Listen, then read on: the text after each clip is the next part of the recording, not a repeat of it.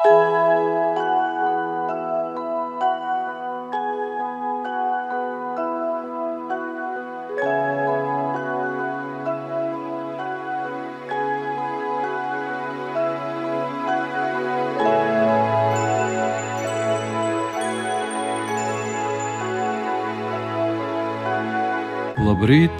un laimīgu jauno gadu godātie svētkrīt klausītāji studijā ar jums arhibīskaps Jānis Vanaks.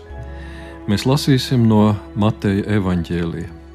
Kad Jēzus piedzima Jūdejas Betlēmē, ķērņa Heroda laikā, redzi no austrumiem Jeruzalemē ieradās gudri vīri un jautāja, kur ir jaunpiedzimušais jūdu ķēniņš? Mēs viņa zvaigzni redzējām austrumos un atnācām viņu pielūgt. To dzirdējis ķēniņš Herods ļoti uztraucās, un visa Jeruzaleme līdz ar viņu.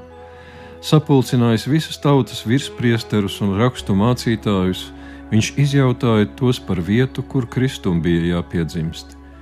Tie viņam sacīja Jūdejas Betlēmē, jo kungs caur pravieti ir tā sacījis: Tu, Betlēme, Jūdas zemē, tu nebūtu nesi mazākā starp Jūdas galvenajām pilsētām jo no tevis nāks valdnieks, kas ganīs manu tautu Izraēlu.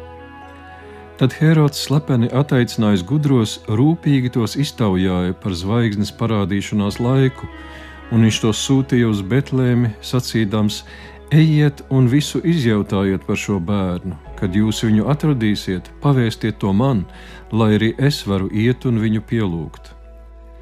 Uzklausījuši ķēniņu, tie aizgāja, un redzi, zvaigzne, ko tie bija redzējuši austrumu zemē, gāja tiem pa priekšu, līdz nonāca un apstājās virs tās vietas, kur bija bērns.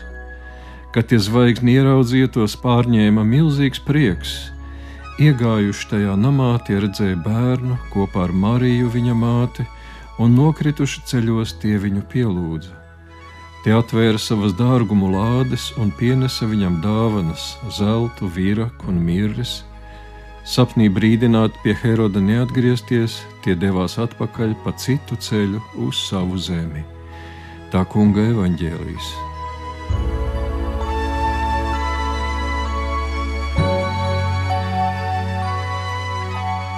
Debes Tēvs, mēs lūdzam Tevi svētī mūsu Tavu vārdu patiesībā. Tavi vārdi ir mūžīga patiesība. Āmen!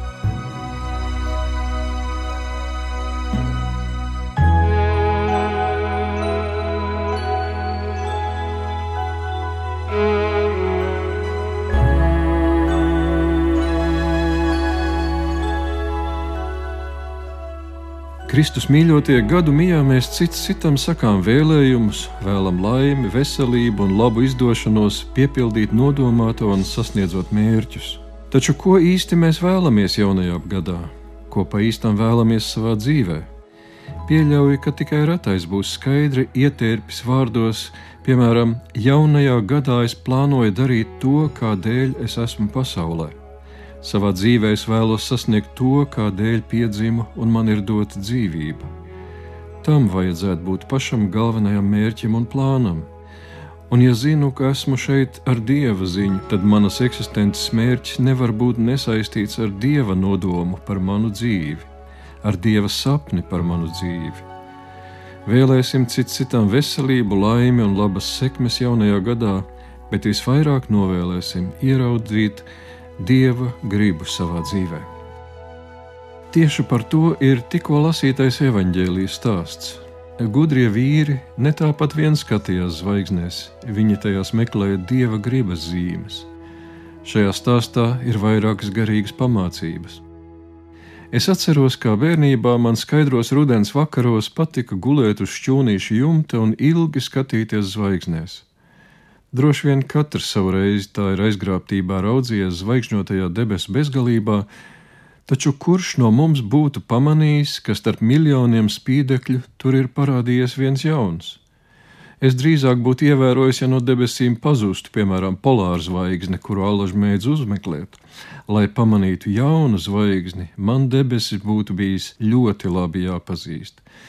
Gudrie vīri tās gadiem ilgi bija ļoti uzmanīgi vērojuši, tādēļ spēja pamanīt un nolasīt vēstījumu.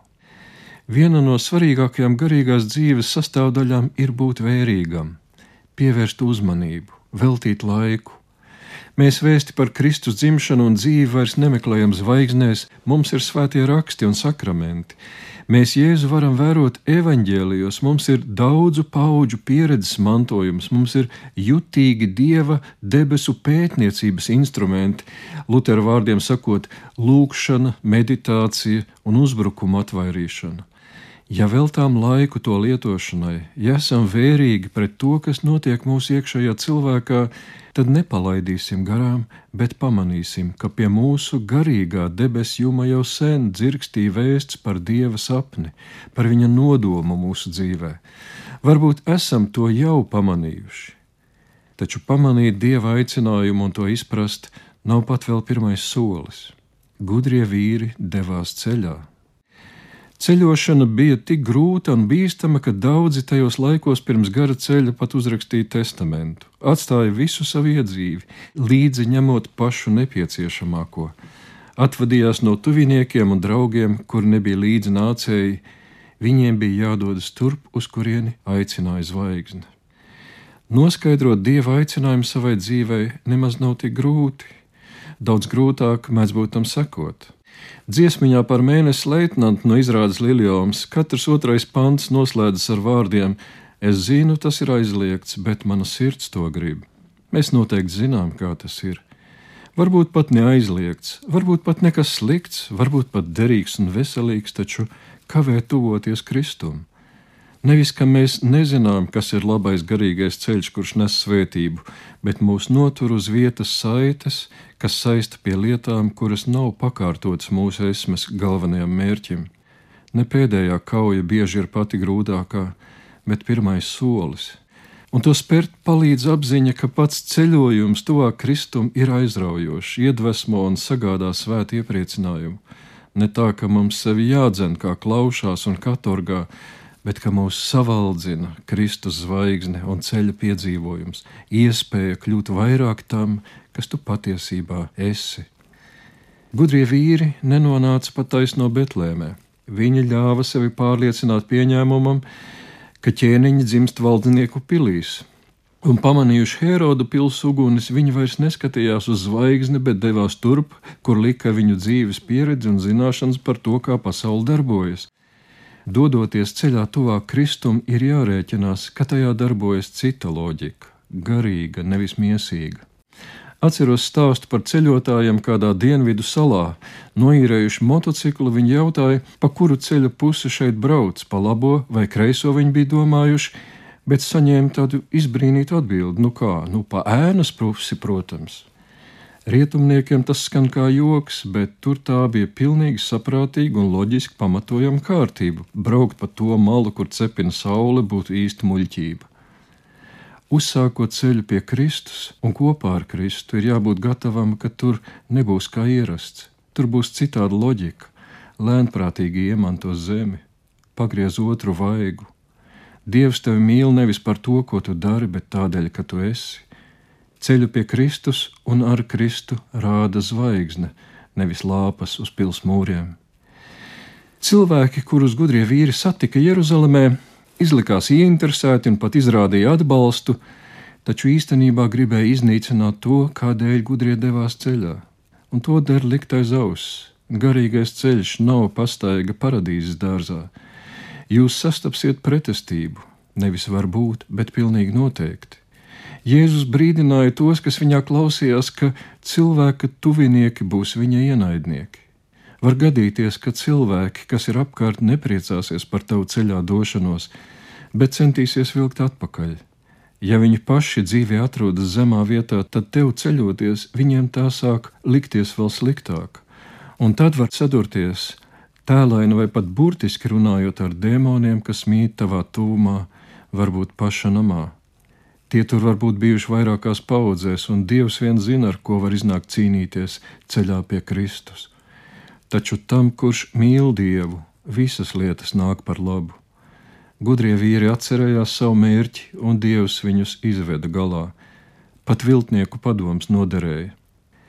Ļaujot zvaigznei atkal rādīt ceļu, viņi nonāca pie tā, ko meklēja, pie Jēzus. Un mēs lasījām, Tie atvēra savus dārgumu lādes un pienesa viņam dāvanas - zeltu, vīraku un mirres. Kādēļ tieši šāda dāvana izlase ir skaidrots dažādi, sākot no pilnīgi sadzīviskas līdz garīgai un simboliskai nozīmē. Tās bija dārgas dāvanas, kas ļāva svētajai ģimenei iztikt Eģiptes zemē, uz kurien tā bēga, lai paglābtu Jēzu no Heroda sūtītajām slepkavām.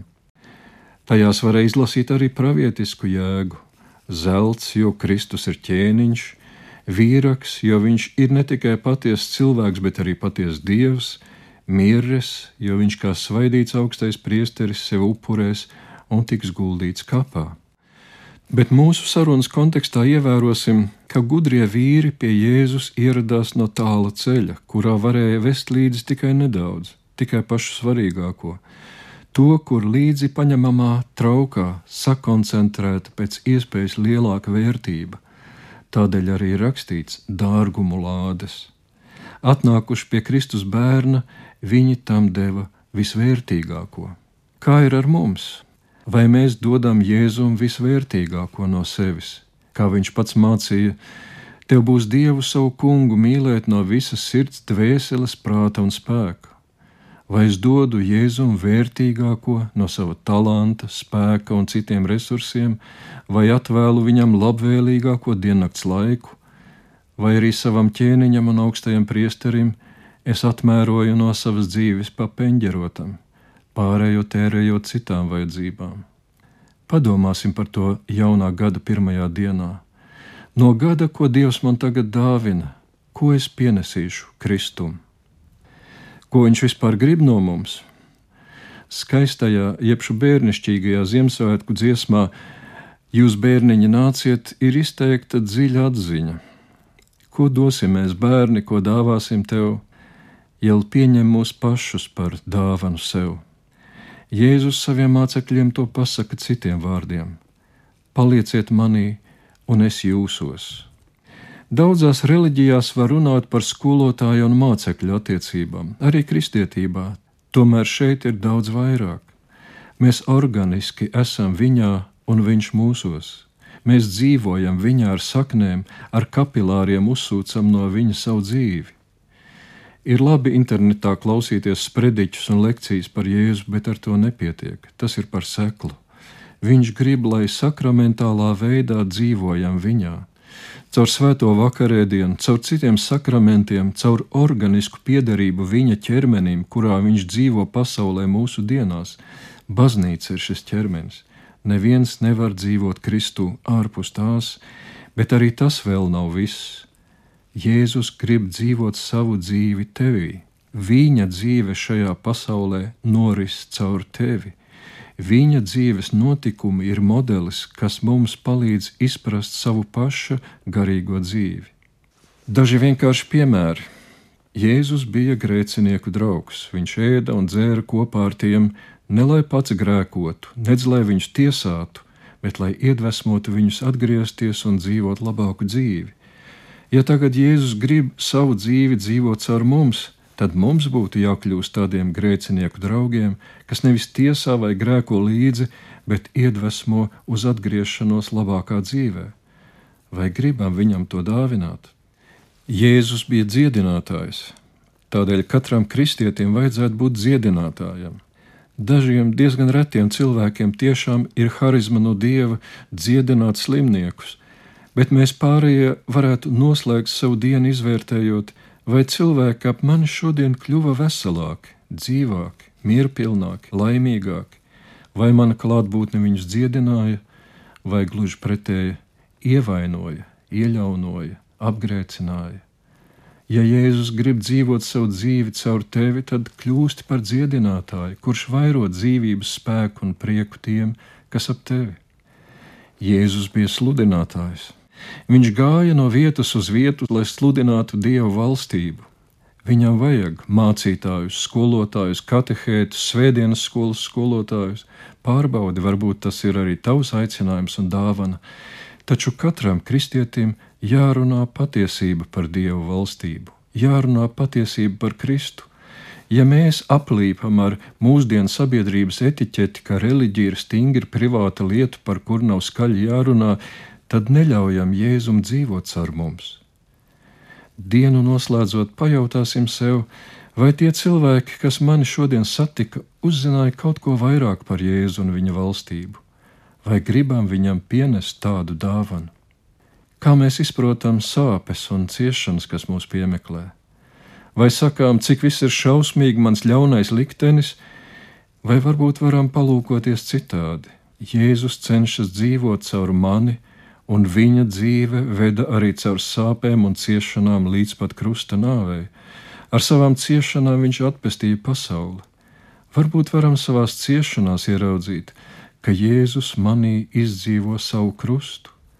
Varbūt ar savām sāpēm es sev neizprotamā veidā esmu iesaistīts pasaules pestīšanā. Viņš ir koks, mēs esam zari.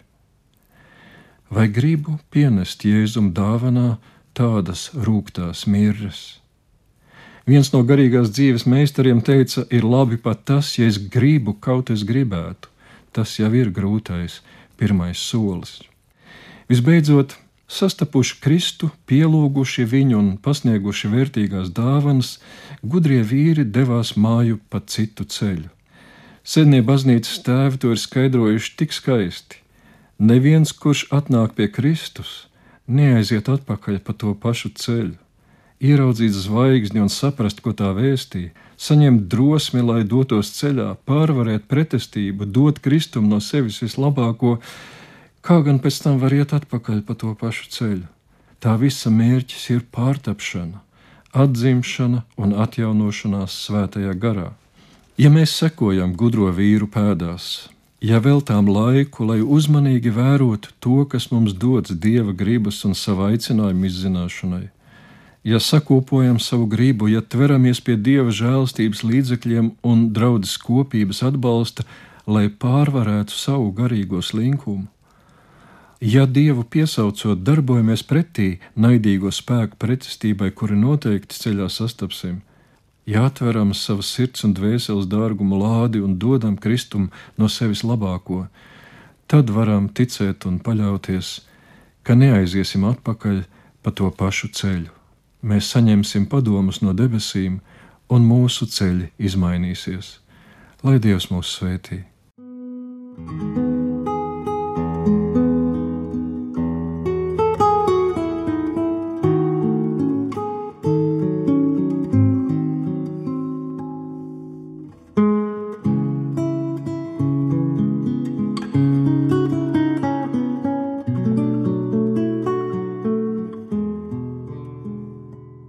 Lūksim Dievu!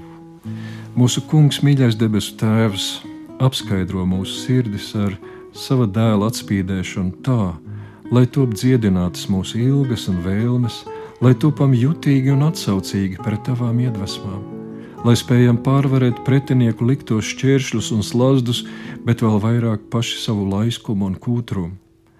Palīdz mums atvērt sirdi un dvēseli, prātu un spēku, lai pienesam viņam labāko, kas mums ir, lai viņš dara mūs par jauniem radījumiem, caur kuriem pats var dzīvot savu dzīvi pasaulē, dievam par godu un visiem cilvēkiem par svētību.